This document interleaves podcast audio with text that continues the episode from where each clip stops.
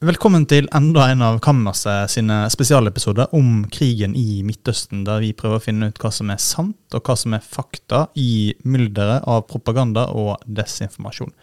Og Dette er den åttende spesialepisoden eh, vi lager. Eh, kollegaen min eh, Dana Vanono og jeg, Emil Erstad. Og vi dukker fortsatt ned i det vi lurer på, Dana. Mm -hmm. eh, og I dag har vi besøk av en veldig interessant gjest som er på innsida av Palestinabevegelsen i Norge. Ja, Velkommen til deg, Nikos Tavridis Hansen. Eh, du har vært aktiv i Palestinabevegelsen i mer enn 15 år, og eh, aktiv for Palestina-saken i over 20 år. Eh, og så har du også vært både styreleder og talsperson i BDS Norge i flere år. Altså det er da forkortelse for boikott, desinvesteringer og sanksjoner. Eh, og eh, det store spørsmålet vi stiller i dag, det er hva er synet på Israel i den norske Palestina-bevegelsen? Mm. Eh, men innledningsvis, da, Nikos. Uh, veldig kjekt å ha deg her. Velkommen. Uh, kan du fortelle litt om hvordan ditt engasjement for Palestina-saken oppsto? Absolutt. jeg har vært utsatt for og rundt diskusjoner knytta til eh, Palestina og Israel helt siden jeg var veldig liten. Eh, men også da knytta til andre konflikter, eh, som ja, Øst-Timor, okkupasjonen av Øst-Timor, okkupasjonen av Kypros osv. Så, videre. så dette har vært temaer som måtte, har blitt diskutert mye i min familie, og som jeg har vært veldig opptatt av fra jeg var liten. og så har jeg da vært veldig opptatt av Palestina og Midtøsten fra, fra jeg var ungdom, og spesielt da fra jeg begynte å studere. Og da, jeg, da, tok jeg studier som gjorde at jeg hadde en utveksling i, i eh, i 2009. Og på vei dit så reiste jeg da fra Hellas gjennom Tyrkia, Syria, Libanon, Jordan, etter hvert Palestina, for å komme til Egypt. Eh, og det var mitt første møte med den regionen. Eh, men det var jo en region der jeg hadde lest ganske mye om og vært eh, engasjert i osv. Uh, og så hadde jeg allerede da vært i kontakt med Palestina-bevegelsen, Palestina-komiteen og andre organisasjoner, og var allerede aktiv før jeg reiste, og ble enda mer aktiv etter at jeg kom tilbake, da, og også hadde hatt mitt første besøk i Israel og Palestina.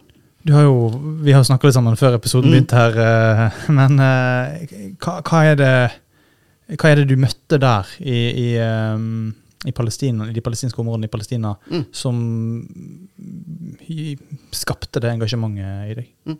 Som jeg nevnte, så var jeg jo da jeg reiste ned, så var jeg jo nesten litt redd for at jeg skulle komme dit og oppleve at den lidelsen jeg på en måte hadde lest om, og de kampene jeg på en måte hadde eh, satt meg inn i og, og engasjert meg, at jeg ikke kom til å føle på det når jeg kom til Palestina. Eh, men det ble veldig tydelig allerede på grensa mellom Jordan og Vestbredden. Altså da så jeg på en måte hvordan det var en forskjellsbehandling av palestinere eller muslimer, arabere og andre som bare dro eh, for turisme, der de ble eh, holdt til siden og stilt mye vanskeligere spørsmål osv. Så, og så, videre, så det ble veldig sånn tydelig. Og det var jo også et, et litt sånn bilde, det at du krysser fra Jordan rett inn i Vestbredden. Det var jo ikke inn i Israel. Likevel så var det på en måte israelerne som, som kontrollerte dette. Mm. Og så hadde jeg da, Mens jeg var der, så hadde jeg Jerusalem som base, og så reiste jeg rundt i forskjellige byer. Eh, sånn dagsreiser for det meste. Eh, og kanskje Altså, det var mange sterke inntrykk. Både Øst-Jerusalem, da jeg var med å se på Eller var, besøkte familier som gikk og venta på at de skulle bli kasta ut av hjemmene sine for at eh, jødiske bosettere, eller ekstremister da, på mange måter, mange av dem var jo kanskje kommet rett fra USA, skulle flytte rett inn i deres hus. Så vi var liksom med å se, altså lenka oss fast og den type ting, da, for å prøve å hindre hindre den utkastelsen eh, fra, fra sjela, i hvert fall de dagene for å utsette dette. Eh, men også da det, det, sterkeste var å besøke Hebron. Eh, da jeg kom til Hebron, så møtte jeg da noen unge palestinere som jobba i en sånn kakebutikk. Eh, og så prøvde jeg å spørre litt om informasjon, hotell og litt sånne ting. Så var de veldig sånn eh, avholdende, og jeg reagerte litt på det, for jeg var jo vant til at palestinerne var veldig sånn invitert oss inn, mm. eh, ville ha oss på besøk osv. Eh, men de ga oss litt sånn eh, tips, og så begynte vi å gå, og så tok det bare en liten tid før samme personer kom med en taxi. da. Uh, og liksom Kom inn, beklager, vi var altfor liksom, ja, hadde ombestemt seg? Ja, det ombestemte seg. Og da forklarte de også da at de, på, basert på looken min, så tenkte de at jeg kunne være eh, israeler, da, eller jøde, og hadde liksom langt, i deres øyne, lyst, krøllete hår og eh, backpack, så det så ut som jeg på en måte var på vei til, til India eh, etter militærtjeneste. Eh, så, så da bestemte de seg for at eh, de skulle liksom vise oss rundt, så de tok oss med til eh, en onkel og kjøpte et palestinaskjerf, sånn at jeg på en måte skulle eh, skille meg ut fra det de frykta. Og så starta på en måte deres eh, deling av erfaringer med oss i praksis. For det som skjedde da, var at de fortalte oss liksom hva de går igjennom hver dag bare for å komme seg til arbeid.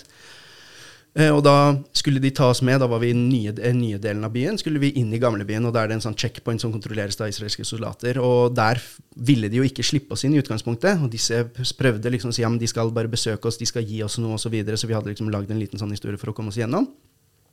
Eh, men de ville ikke. Så da brøt jeg inn. Eh, hun jeg reiste med, kunne arabisk, så hun hørte jo denne samtalen.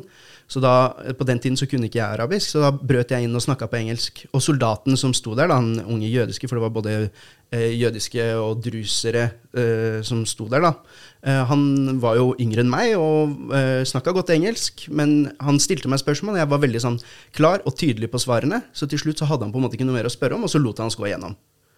Og de var jo veldig sånn, de palestinerne, hva var det du sa, hvordan klarte du det her? og sånn, Vi må jo ha det her oftere, liksom, så kan vi komme oss gjennom. Og så går vi 50 meter, og så kommer det en uh, jødisk settler joggende, og så slår han til den ene palestineren med albuen rett i skulderen. Og palestineren uh, reagerer ikke engang. Altså virkelig, Han snudde seg en gang for å se hva som skjedde nå. Så jeg spør han, blir du ikke irritert. altså Hvordan klarte du hva skjedde dette jeg nettopp så? Han bare se opp til venstre, og på toppen av bygget der så er det en, en liten sånn konstruksjon. Inni der så er det israelske soldater. Hadde jeg rørt han, så kunne han skutt meg. Mm. Og så fortsatte vi da 100 meter til, for vi skulle opp til huset, som ikke var langt unna. Og da eh, tok det bare eh, noen, altså da, Vi hadde bare gått noen hundre meter til før det kommer, vi hører at det kommer en bil kjørende i høy hastighet. Da bare drar de oss til side, liksom kaster oss ut av veien og sier pass dere, det er, eh, det er israelere. på en måte. Og da kjører de fort forbi, veldig nært oss, og så spør vi liksom hvordan visste de at det var uh, settlere. Og da sa han enkelt, det er bare de som har lov til å kjøre, vi får ikke kjøre her. Mm.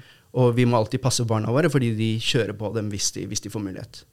Så kom vi, kom vi hjem til, til, denne familien, da, og der hadde de en to år gammel gutt som for øvrig var mye lysere enn meg. Han var blondt uh, hår og lyse øyne osv. Og, uh, og da han hørte at jeg ikke snakka arabisk, så uh, forma han uh, hånda som en pistol, og så sa han pang, pang, pang, pang.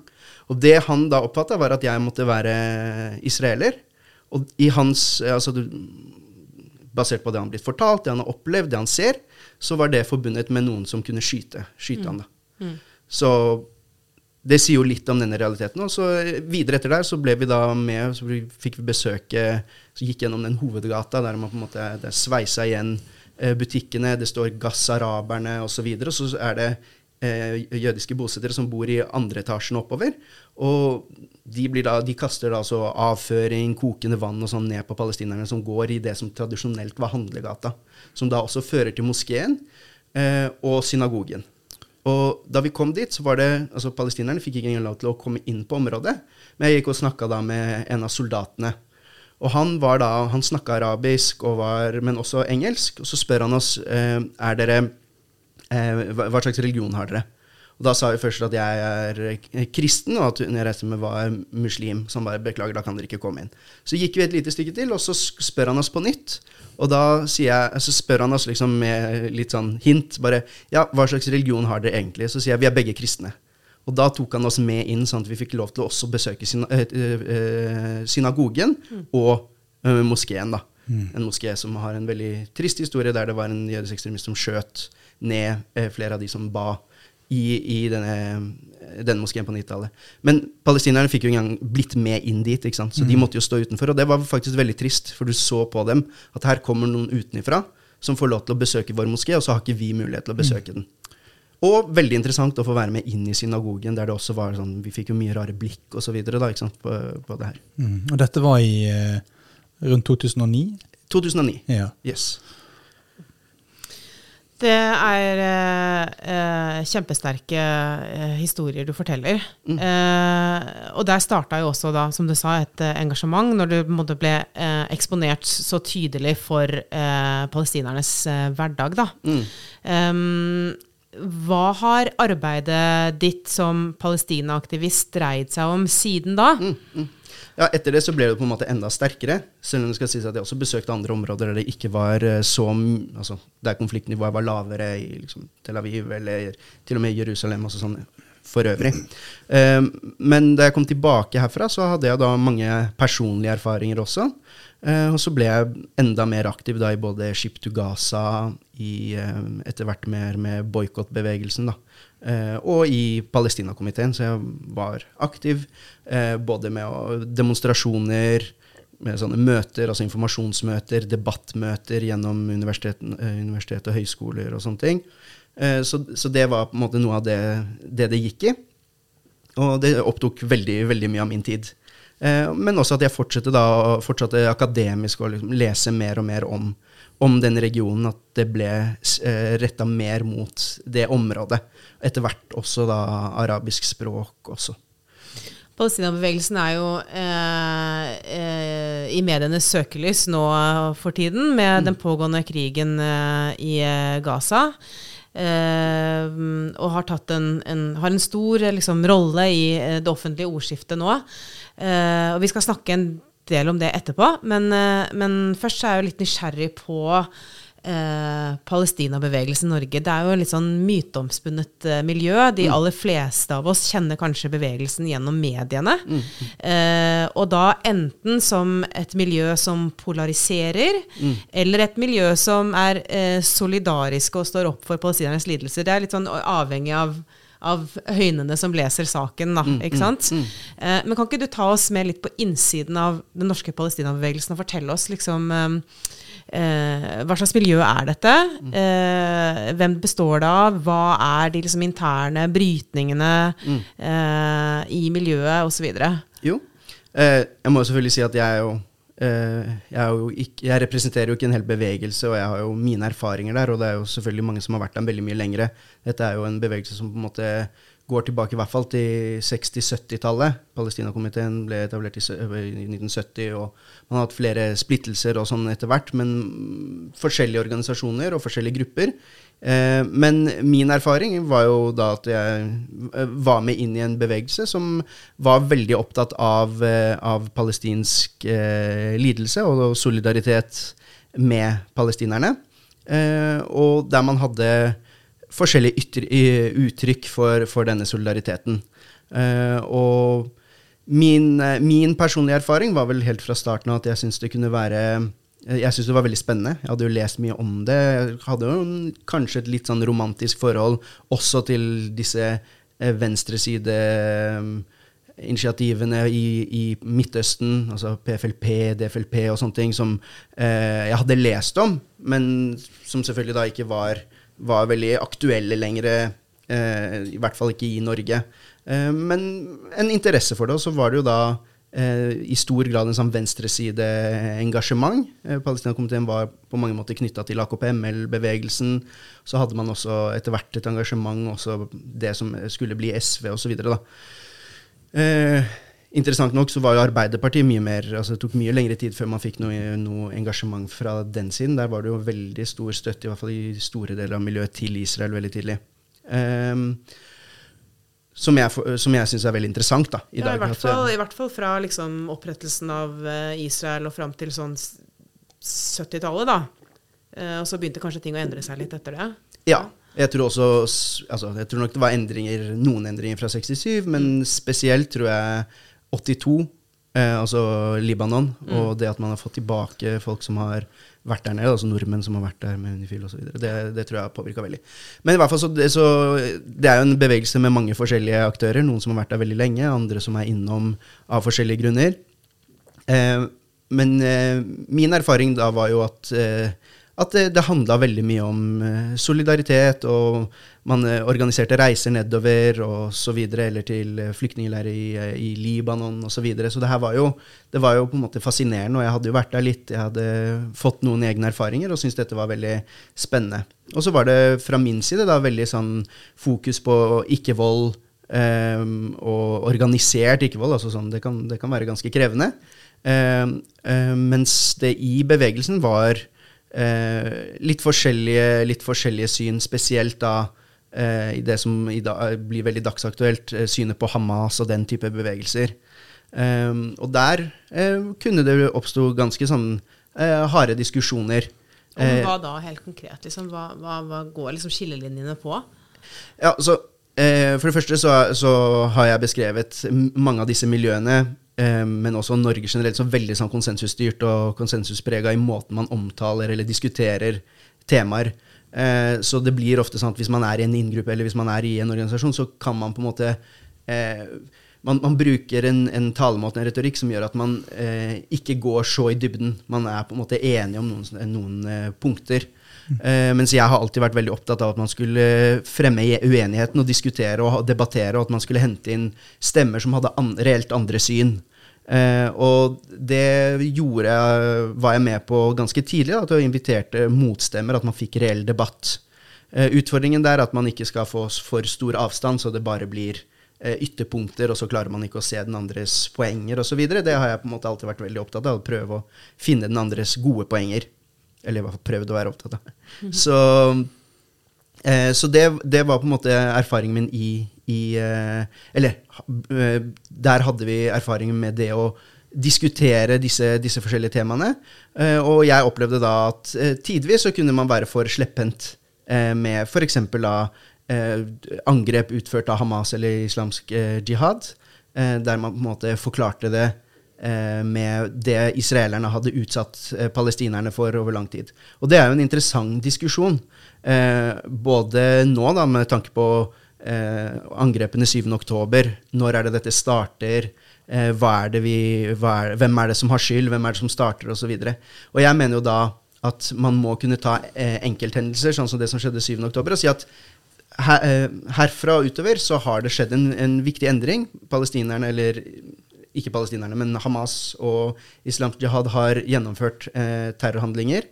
Eh, og det setter på en måte en ny standard. Men så får man da de masse, den massive reaksjonen fra Israels side, som gjør at man eh, forståelig nok får en veldig sterk reaksjon fra andre siden, der man sier at det, det som skjer nå, kan man på en måte ikke, eh, kan ikke legitimeres.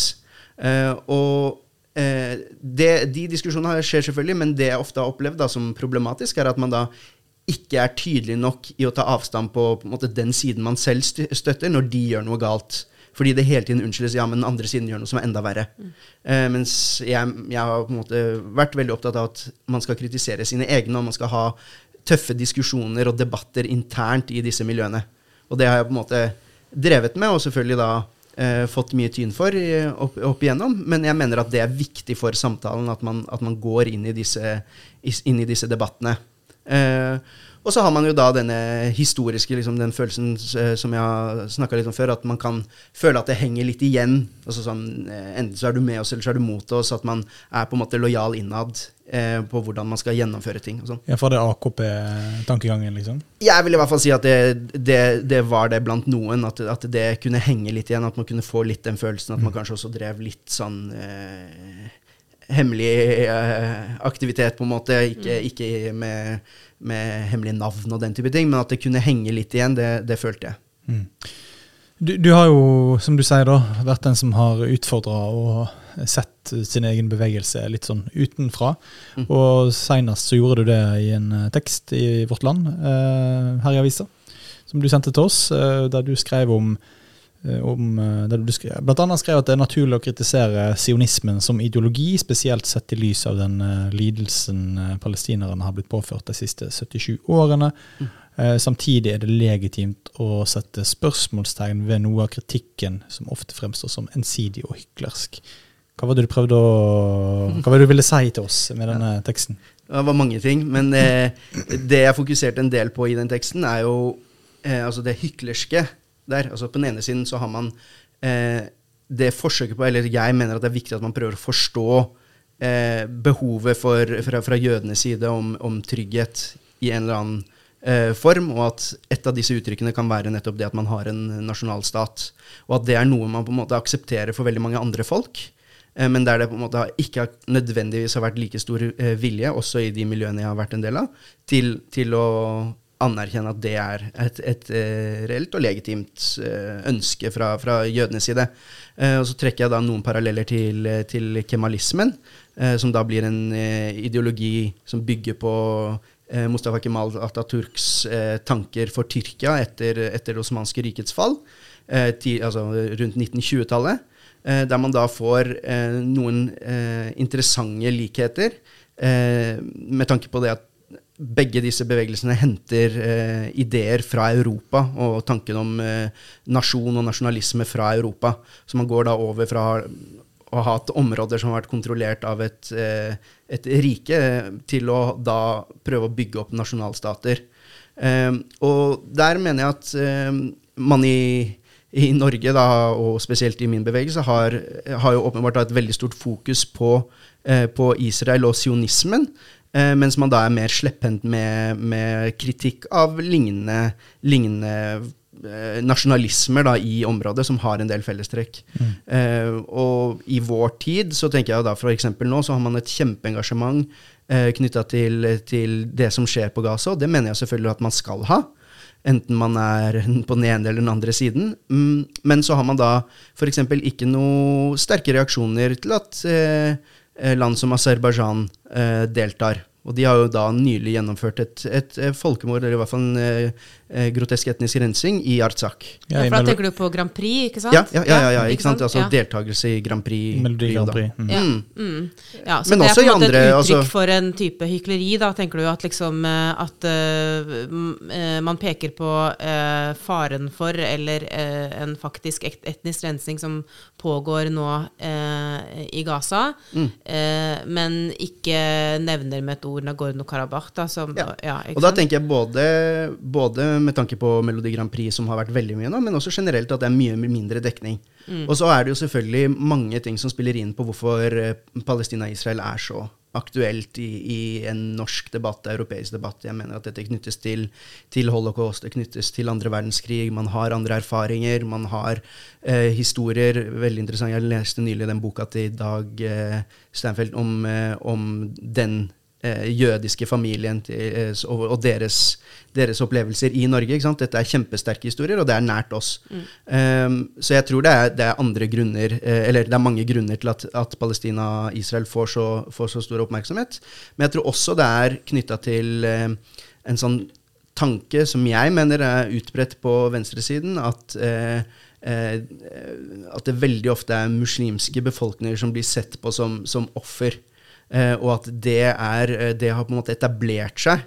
Eh, litt sånn, at, at det blir en litt sånn offermentalitet, og at man da har lettere for å sympatisere med en del av disse befolkningene.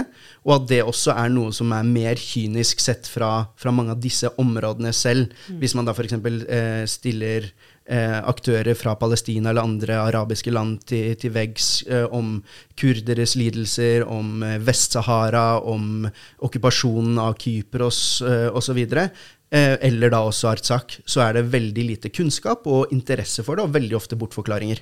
Ja, Artsakh som i Nagorno-Karabakh-regionen, Yes, yes, yes, som. Armenia og Helt riktig, helt riktig. Mm. Eh, eh, nå, mens vi er inne på sionisme eh, Det er jo en, en ideologi som eh, er mye opp til debatt eh, i det norske ordskiftet nå. Egentlig første gang på lenge jeg egentlig har sett at man eh, engasjerer seg så mye i akkurat den ideologien der. Eh, men i kjølvannet av det så, så har jeg et inntrykk av at det er en del, er det en tendens til at noen mener at Israel ikke har rett til å eksistere i det hele tatt. At, 19, altså at, da, at da staten ble oppretta i 1948, at det rett og slett var en, var en feil, at det ikke skulle skjedd. Mm. Um, det er som sagt kanskje mest en følelse at det er en tendens i tiden til å liksom tenke i den retningen. Eh, men da lurer jeg på, liksom, innenfor den norske Palestina-bevegelsen, da, hva slags tanker har man om Israels rett til å eksistere?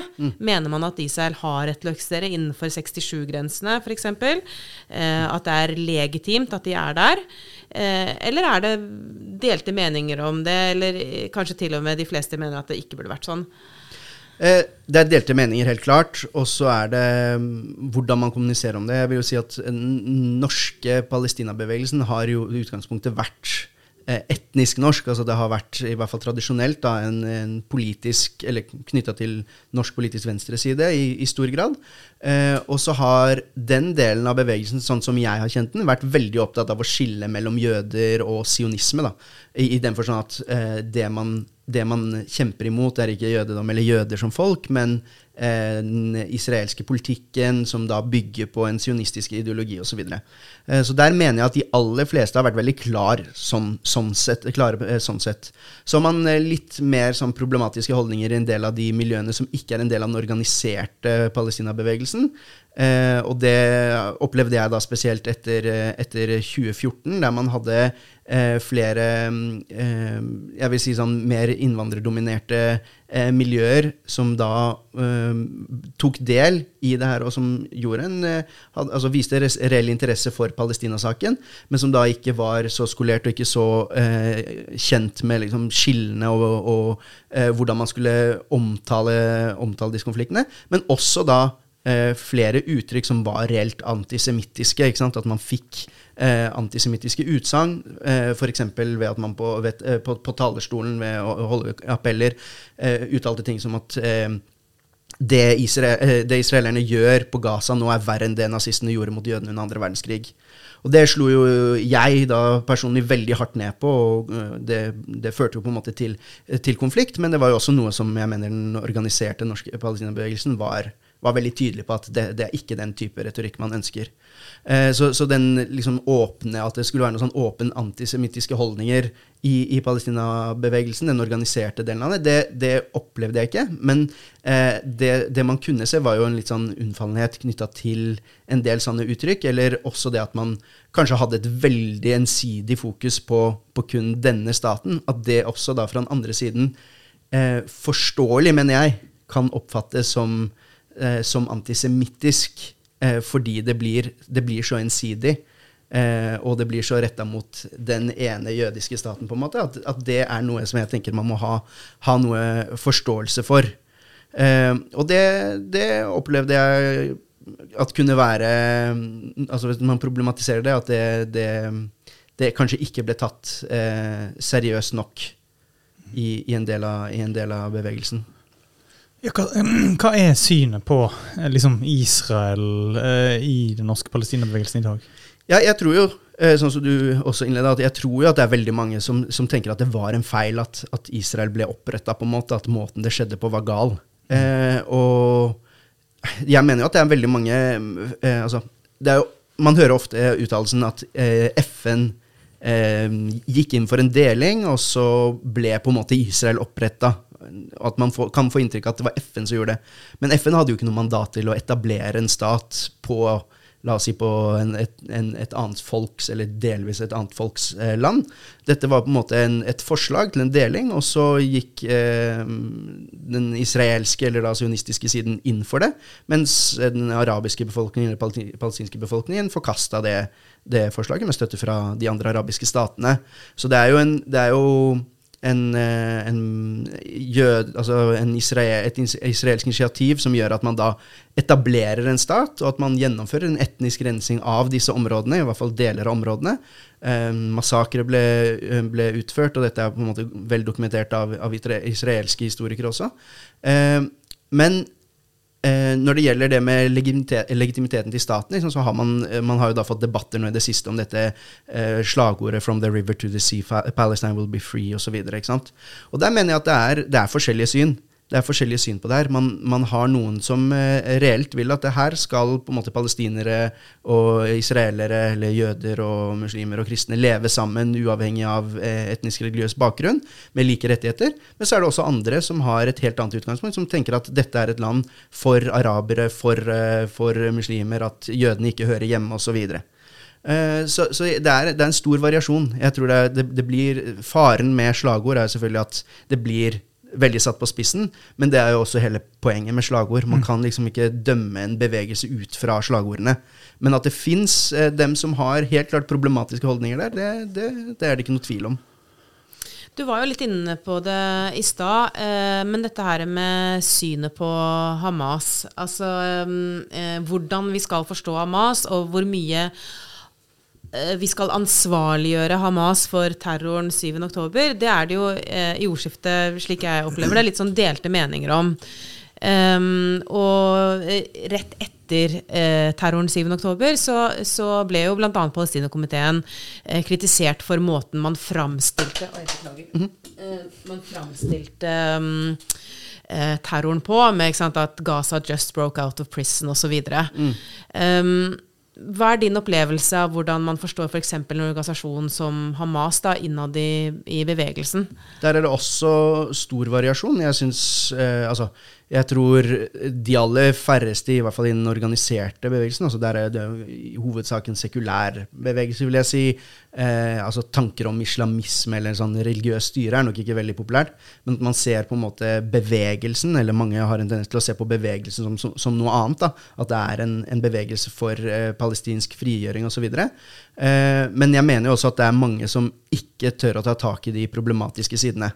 Eh, men eh, altså sånn Um, virkemidlene Hamas og palestinsk jihad uh, bruker, måten de har styrt Gaza på osv. Dette mener jeg at bør kritiseres veldig mye tidligere, uh, og at dette på en måte er en uh, problematisk side ved palestinsk motstand. Etter 7. oktober hva, er det, hva er det problematiske? det problematiske vil jeg si er både Eh, en del sånn, altså, tilknytninger til eh, det, det, er en stor diskusjon med tilknytninger til andre bevegelser. altså At det er en del av det muslimske brorskap. At det er eh, et, en islamistisk organisasjon som er villig til å bruke terror og har brukt terror i, i kampen. At de ikke respekterer på en måte de lover og regler som gjelder for eh, væpna motstand. Uh, og det er en diskusjon som ofte har oppstått. At uh, man hører fra palestinavenner at uh, palestinerne har rett til å drive væpna motstand. Ergo er det Hamas eller den type organisasjon, det må man på en måte akseptere. Mens, og der er det selvfølgelig stor uenighet, mens det er noen som, som mener at Eh, selv om man har lov til å drive væpna motstand, så er det veldig strengt hva du har lov til å bruke av, av eh, eh verktøy og virkemidler. Du kan ikke gå inn og, og rette angrep mot eh, sivile. Eh, du kan ikke gjennomføre selvmordsangrep. Du kan ikke gjøre alt det her.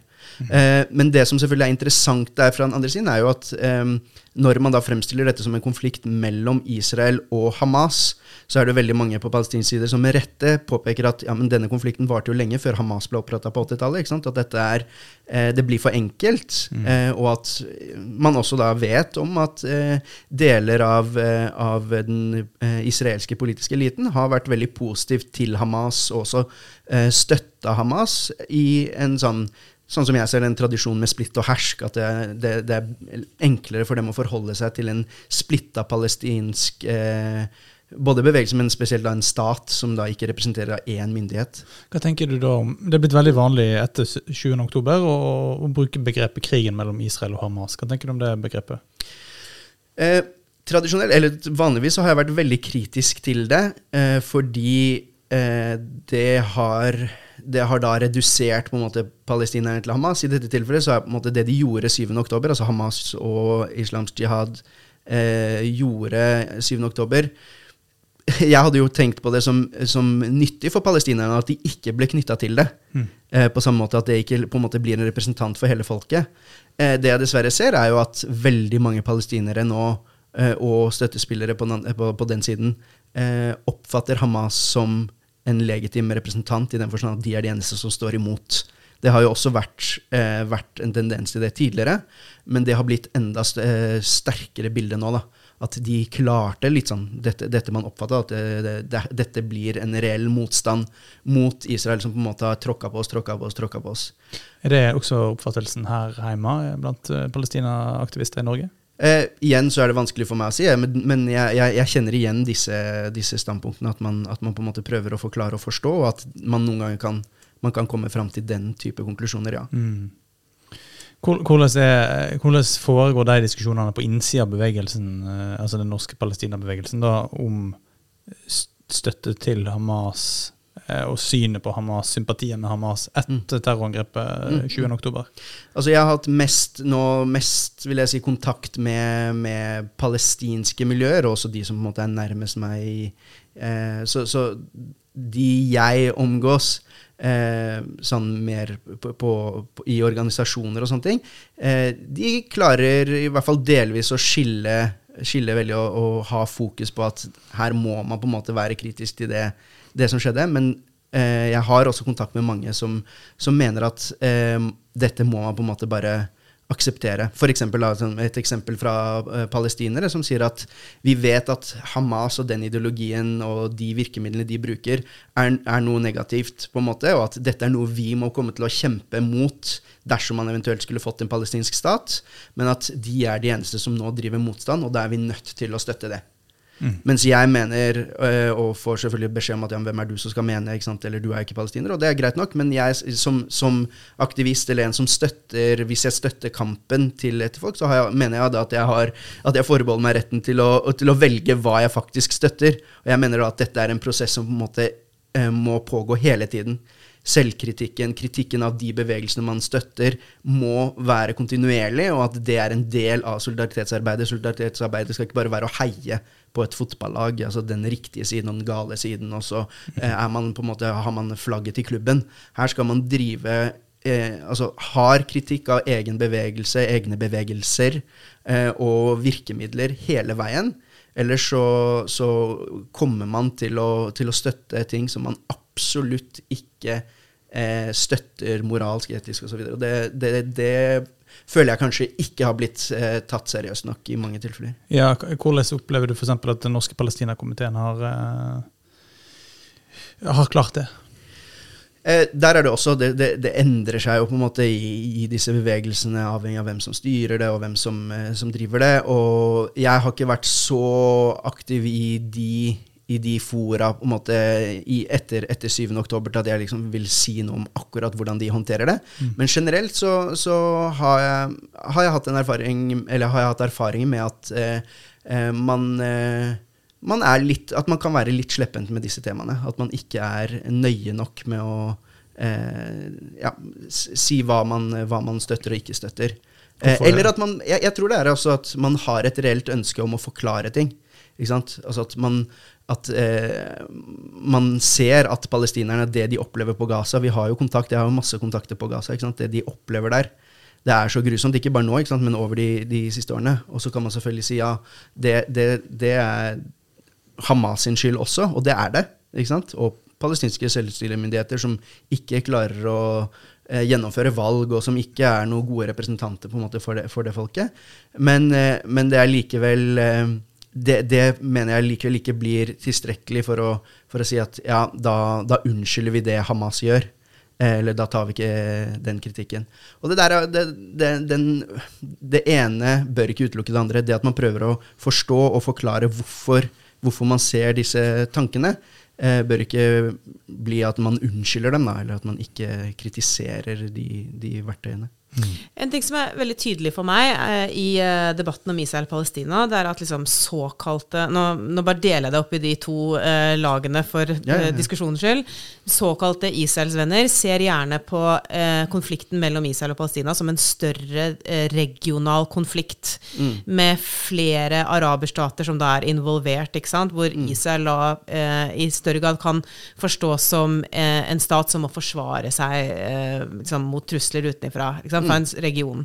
Mens eh, på Palestinasiden så eh, forstår man det som en mindre konflikt, eh, som er eh, liksom eh, konsentrert til Israel og Palestina, der Israel er overgriperen og palestinerne er eh, de undertrykte. Mm.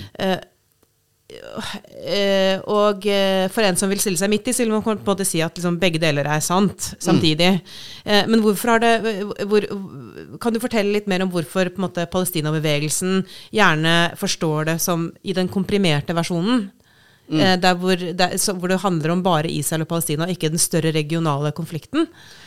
Ja, det kan man sikkert si veldig mye om. Altså, palestinerne Eh, palestinerne fra sin side vil jo åpenbart oppfatte det sånn, fordi det er den eh, virkeligheten de lever i. Mm. Eh, så der er det jo kanskje ikke så veldig relevant hva som skjer regionalt. På mange måter, Hvis du blir undertrykt i din hverdag, eh, så er det veldig forståelig at, eh, at, det blir det som opptar deg mest. Eh, og så tror jeg det er mange andre forklaringer. Jeg tror jo generelt at det er enklere å forholde seg til den kanskje mer komprimerte versjonen. Eh, og at eh, når man begynner å se på, eh, på, den regionale politikken, så blir det ekstremt eh, avansert. Det er kjempemange forhold man skal ta hensyn til her. Um, altså, jeg mener jo at det absolutt er relevant å se på eh, hvor, hvem eh, er det som har støtta Hamas i dette angrepet? Eh, hva slags andre interesser er det eh, i, i regionen som, som har interesse av at, av at eh, forskjellige eh, f.eks. fredsinitiativer eller normaliseringsprosesser mellom Israel og Gulfstatene eh, ikke, ikke materialiseres. At, eh, at man får en stans i det. Her er det andre aktører. Jeg, jeg, jeg, altså, man må eh, se på f.eks. Eh, Irans eh, ønske om å hindre den type utvikling. At eh, Kina spiller en eh, viktig rolle. Eh, om ikke, Nå sier ikke jeg at Kina eller Iran har, har gjennomført disse angrepene, men at det er mange andre interesser og hensyn å ta. Og det blir veldig veldig avansert. Det blir mange ting å ta, ta inn over seg, og det blir en, en, en mye større diskusjon. Og Israel har jo rett i at, at de er trua fra mange hold. Ikke sant? Altså Houthi-bevegelsen er helt, helt tydelig, altså i Jemen, på at eh, de, de ønsker å ramme Israel. Eh, Iran er helt tydelig på det. ikke sant? Um, du har Hizbollah i, i, i Libanon, som er helt tydelig på, på der. Så det er veldig veldig mange eh, Sånn som du sier, begge, begge har på mange måter rett. da. Og det er det som er, det er, det som er komplisert, og, og også interessant. Eh, at man må tørre å gå inn og ta de diskusjonene og se at her må du anerkjenne at den andre også har rett til å eh, altså Som jøder opplever antisemittisme i Norge i dag, i Europa i dag, eh, og selvfølgelig da i Midtøsten, der det er noen jøder igjen. Ikke sant? Det er noe som man må ha med i disse diskusjonene, uavhengig av om man mener at eh, man er pro-palestinsk eller pro-israelsk. Og jeg har jo tidligere i, i, i eh, samtale med deg, når jeg ble, ble stilt spørsmål om dette, Dana, så, så husker jeg veldig godt at jeg, eh, jeg, jeg svarte deg eh, når jeg liksom ble presentert som palestinavenn, at jeg støtter ikke Palestina som et lag eller fordi de er palestinere. Hvis palestinerne undertrykker israelere eller eh, eh, gjør handlinger mot israelerne som er uakseptable, så kommer jeg til å fordømme det. Jeg har ikke noe problem med det.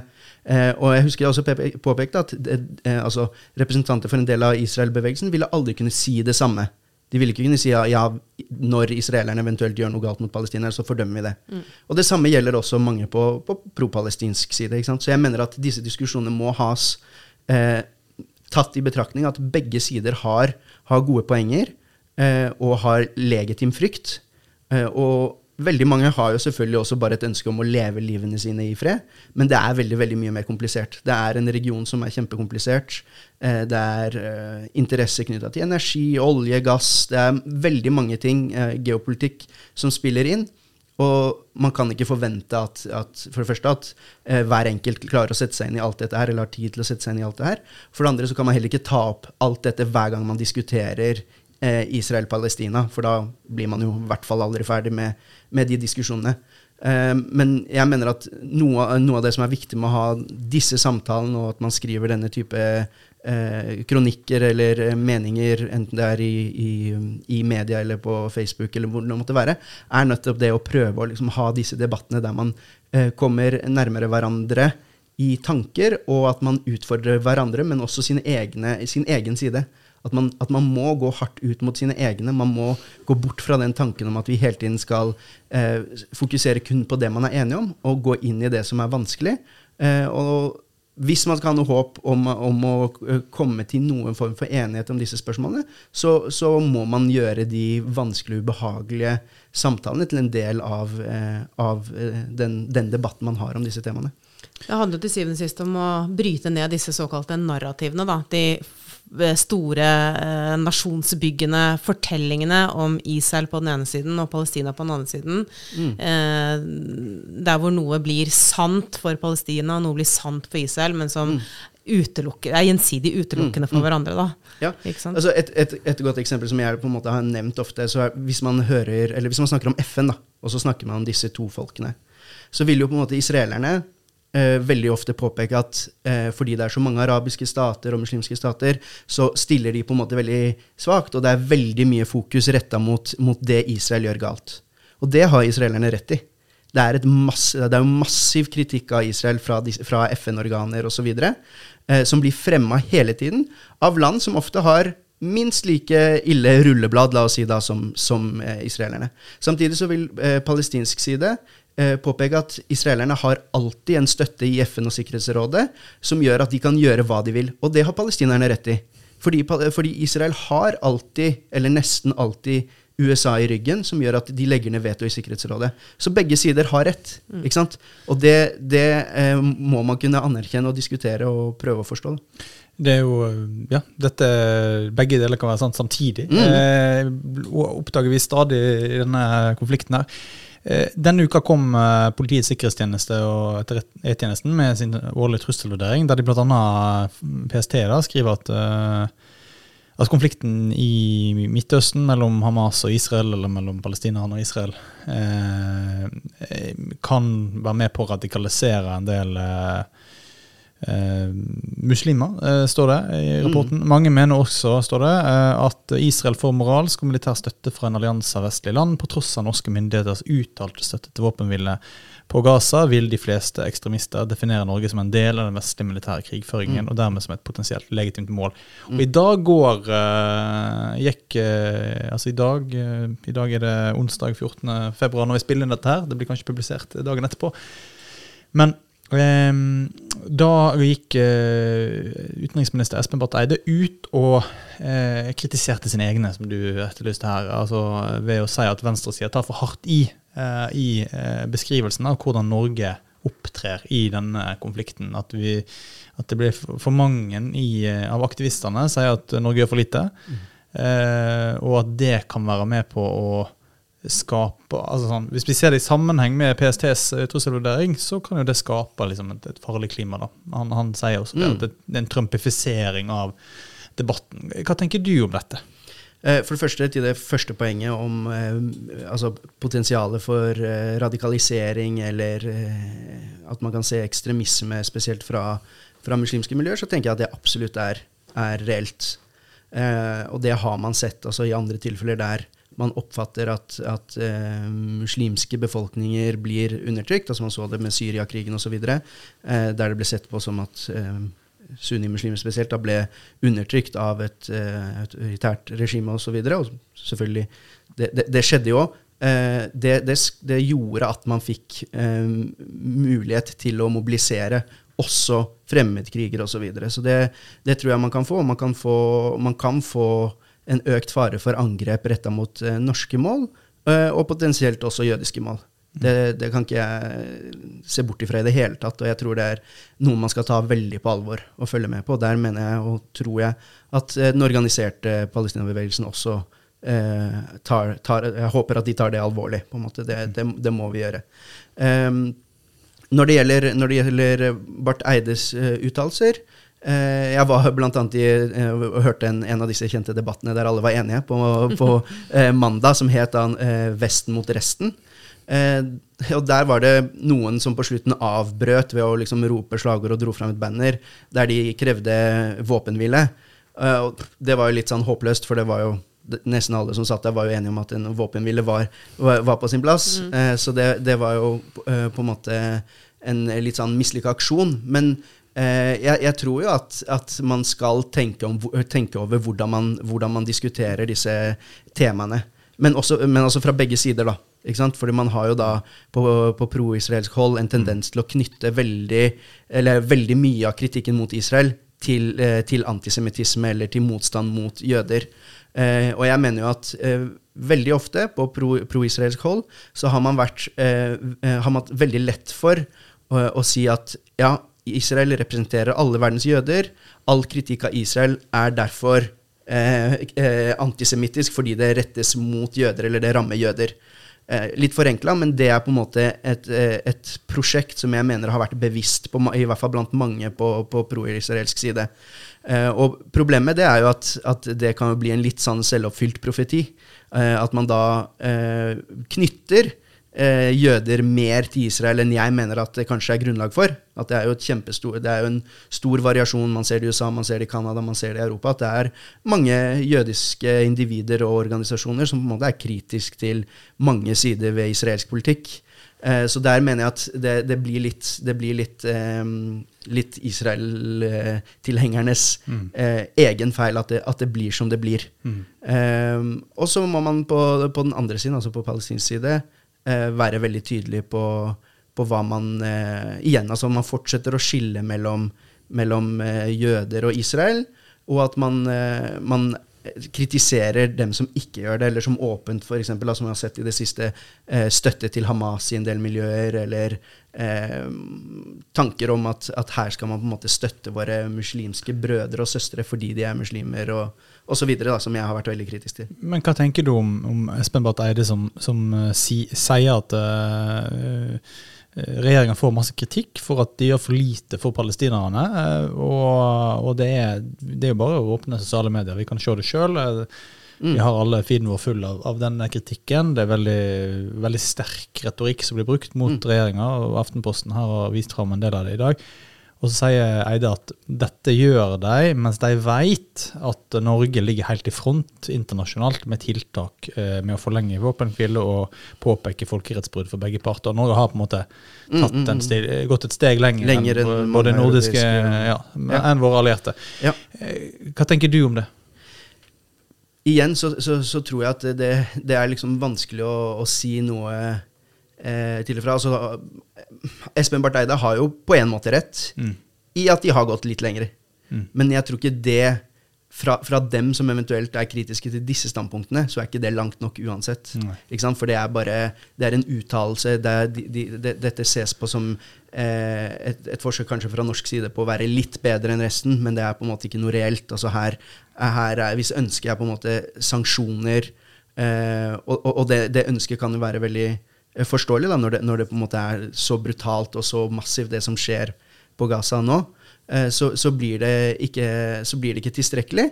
Og man føler på en måte ikke at, eh, at Barth Eide gjør nok. Eh, og det, ja, det, det mener jeg at man, man, man, må tillate den retorikken fra, fra pro-palestinsk hold, all den tid det ikke på en måte da blir støtte til, til Hamas eller til, til, den type bevegelser. Og så er det selvfølgelig vanskelig å si uten at det er konkrete eksempler da, på uttalelser. Altså, er det konkrete uttalelser som er forkastet, så må man jo ta avstand fra det. Men eh, på generelt grunnlag eh, så, så, mener jeg at disse bevegelsene må kunne uttrykke hard kritikk til, til norsk UD og utenriksministeren. Mm. Det, er jo, det, det er jo ikke vanskelig å være uenig i det. Um, som et mangeårig aktivist og, og medlem av Palestina-bevegelsen i Norge, du, du, er fortsatt en del av dette miljøet. Hva er langt nok? I hvilken forstand? Ja, altså, Hvor langt må Espen Barth Eide og den norske regjeringa gå for at det skal være langt nok? Eh, jeg, altså, jeg, er veldig, eh, altså, jeg er veldig opptatt av at eh, politikk eh, og internasjonal politikk har mange Altså, det er, det er mange prosesser som, som går i, i, en, i, en, sånn eh, altså, for alt vi vet, så kan det være, og det, og det sa vel også Barth Eide, at, at han er i, i kontakt med, med, egyptiske myndigheter for at de skal prøve å i hvert fall Der, der handler det spesielt om, om eh, hva som skjer dagen etter. Altså hva skjer når man eventuelt får innført en, en våpenhvile. Her har man et uh, parallelle løp som, som, som går, uh, og som vi ikke nødvendigvis vet alt om.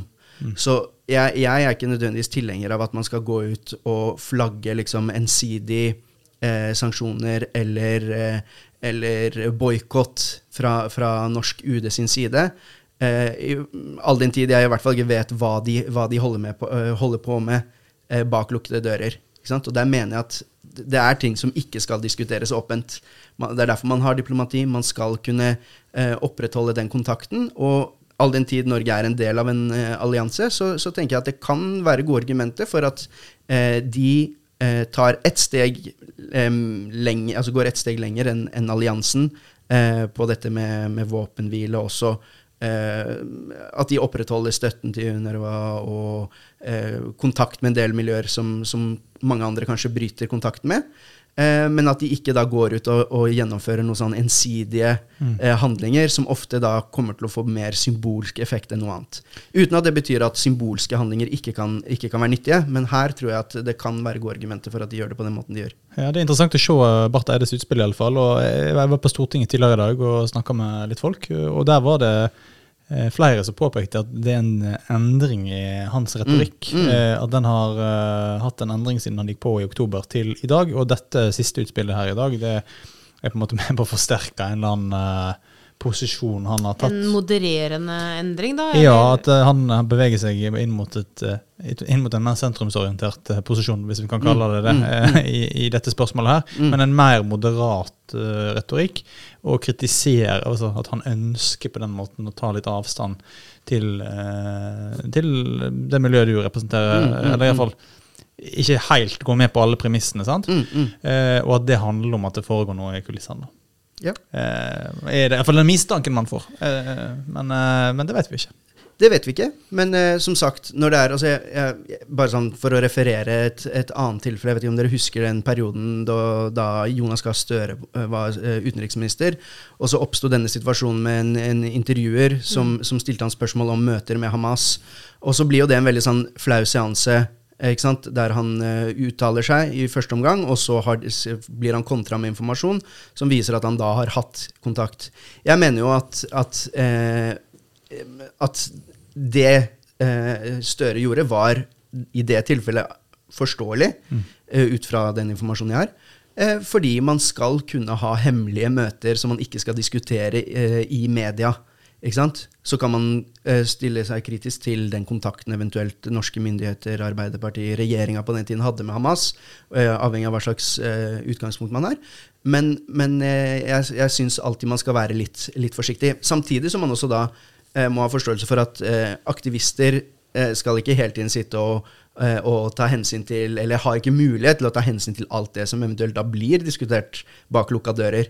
Eh, så da har man jo også, stiller man jo ofte eh, strengere krav, eller eh, st står på barrikadene for, for ting, og så er det på en måte viktig at man har en eller annen form for kommunikasjon. Men det, det jeg mener, er at alle disse bevegelsene må prøve å være i kontakt med disse miljøene, altså drive politisk påvirkningsarbeid på en smart måte, sånn at det ikke bare blir, eh, bare blir symbolpolitikk. Det, det tror jeg er veldig viktig. Vi skal begynne å, eh, å eh, avslutte en utrolig interessant samtale. Eh, Men jeg har faktisk to spørsmål som vi må få stilt. Nå, men vi gir det ikke før du får stilt de spørsmålene. eh, vi begynner med det første først. Eh, det er jo Vi har et ordskifte nå som er ekstremt polarisert. Eh, hvor eh, eh, mennesker som er solidariske med Palestina, blir anklaget for å støtte Hamas. Hvor eh, norske jøder ikke tør å, eh, å vise at de er jøder, og, og, og ikke tør å liksom stille opp egentlig i den offentlige debatten. Mm. Eh, og med mange andre uheldige utslag òg, da. Hvilken rolle mener du at liksom, Palestina-bevegelsen har spilt i den polariseringa? Eh, har de vært gode eller ikke? Eh, og hva kan Palestina-bevegelsen gjøre framover for å skape et bedre ordskifte? Det er det første spørsmålet. Ta det først.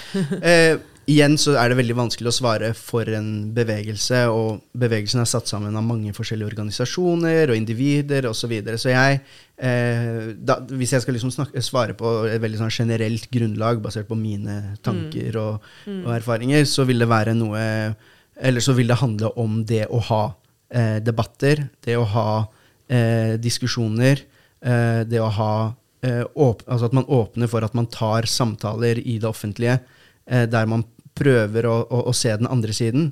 Og det er kjempevanskelig eh, på palestinsk side nå, fordi det er mange eh, som har familiemedlemmer som lider, som har mista um, sine mennesker. Eh, og da er det veldig vanskelig å skulle sette seg ned og liksom diskutere på eh, eh, filosofisk nivå, eller på ja, litt mer sånn abstrakt, eller langt fram i tid, osv. Eh, men, men jeg mener at det likevel er, er noe som bevegelsen, eller i hvert fall representanten for bevegelsene, må, må tørre å gjøre. Um, og det gjelder jo da også den andre siden, ikke sant? altså pro- pro-israelsk side, uh, må uh, beherske seg når de, når de på en måte uh, trekker alt Trekker denne på en måte linken mellom Israel-kritikk og antisemittisme altfor langt.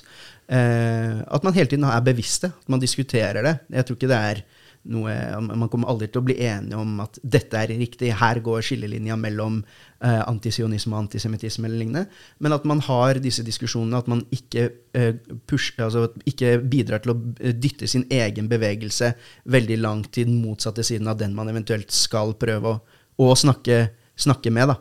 Eh, og at man har eh, altså, sine diskusjoner om, om disse temaene.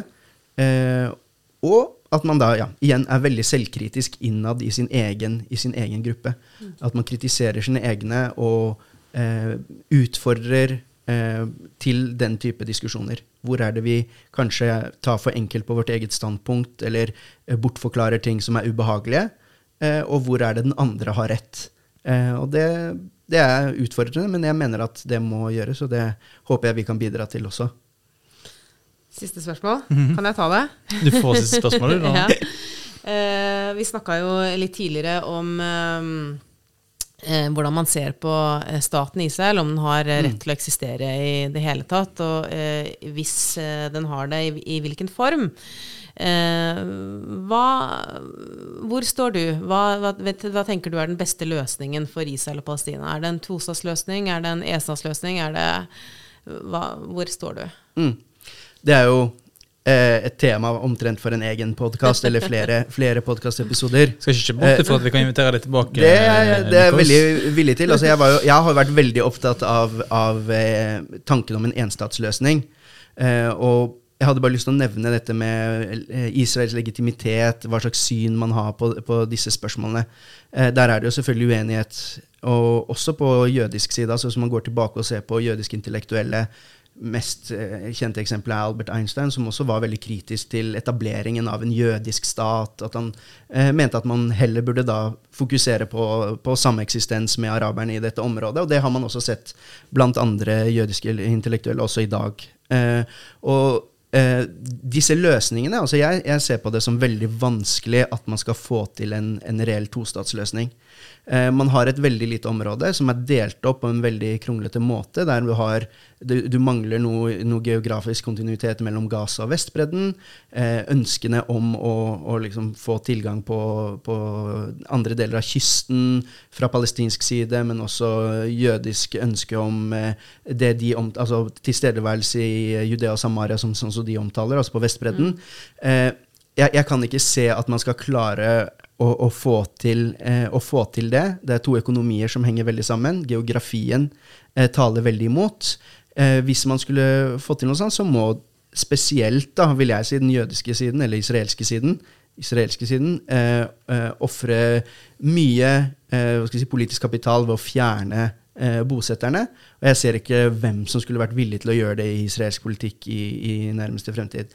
jeg, jeg, jeg tror at at en, en enstatsløsning eh, under, under, de riktige forhold med et massivt press fra utsiden, kanskje har en større mulighet for å, for å, lykkes, men det er absolutt ikke noe enkel uh, løsning for å få til det.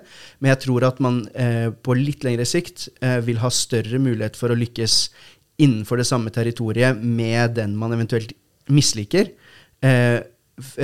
dersom, dersom man da eh, blir tvunget til å, til å unngå eh, disse skillene på, altså i politisk på, på etnoreligiøs, etnoreligiøs grunnlag. Eh, så da må man i så fall ha en, eh, en helt annen konstitusjon eller noe sånt, som, som også vil si at eh, eh, jødene som vil komme, være i fare for å i, bli minoritet, må få en sikkerhet om at, om at de er Eh, beskytta i dette landet. Ellers så vil ikke, det, eh, vil ikke det lykkes.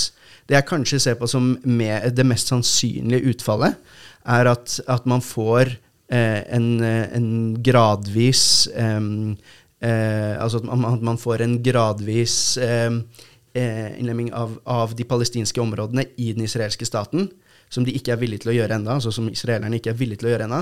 Og at man eh, da i en periode vil ha eh, mange uh, arabere som lever under, under jødisk-israelsk eh, kontroll, da, for å si det sånn. Eh, og at man da eh, kommer til å få en kamp fra palestinsk side om rettigheter innenfor Israel. Det, det, det tror jeg er et, et, mer sannsynlig utfall.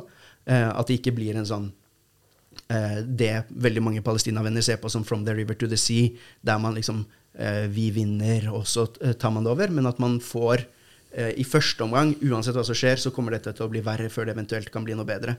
Og da er eh, en sånn annektering, altså en gradvis annektering av Vestbredden og kanskje også Gaza fra Israels side, mer sannsynlig enn at man, eh, at man deler, opp, opp landet eh, i to eller kanskje tre stater, da, sånn, som det, sånn som det er nå. Men eh, sånne, sanne, type forslag til eh, endelige løsninger, med fare for å trekke gale paralleller, er, er veldig, veldig vanskelige. Eh, og jeg tror ikke nødvendigvis eh, det er der man skal starte, men jeg er veldig, veldig opptatt av at vi har disse samtalene. Jeg har hatt dem mye i, i det miljøet, eh, men der er det også kjempe, kjempestor variasjon. Også blant palestinerne.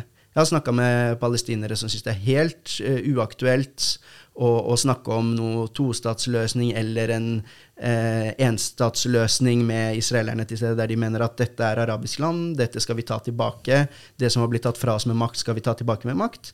Jeg har snakka med palestinere som tenker at ja, la oss få en tostatsløsning hvis det vil gi oss uh, fred fred, og sånn at vi kan leve livene våre på egen hånd uten innblanding. Og jeg har snakka med palestinere som har sagt at for meg er det ikke så viktig uh, hvordan Eh, hvor, altså hva landet heter. Om det heter Israel, og vi lever sammen, og jeg eh, er en del av landet, men har rettigheter også som palestiner, så aksepterer jeg det. Så her er det, det, er, det er et stort spekter. men det som skjer nå, gjør at dette kommer til å ta enda lengre tid. Mm. Tusen takk for at du uh, tok deg tid til å komme til oss, uh, Nikos. Uh, vi er ved veis ende. Vi har fortsatt, vi kunne snakka en time til. Det, men det her ble hittil lengste spesialepisoden om krigen i Midtøsten.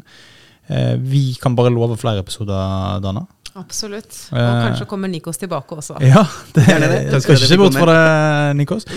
Har du innspill, ris eller ros, så er det bare å sende oss en e-post til kammerset alfakrøllvl.no.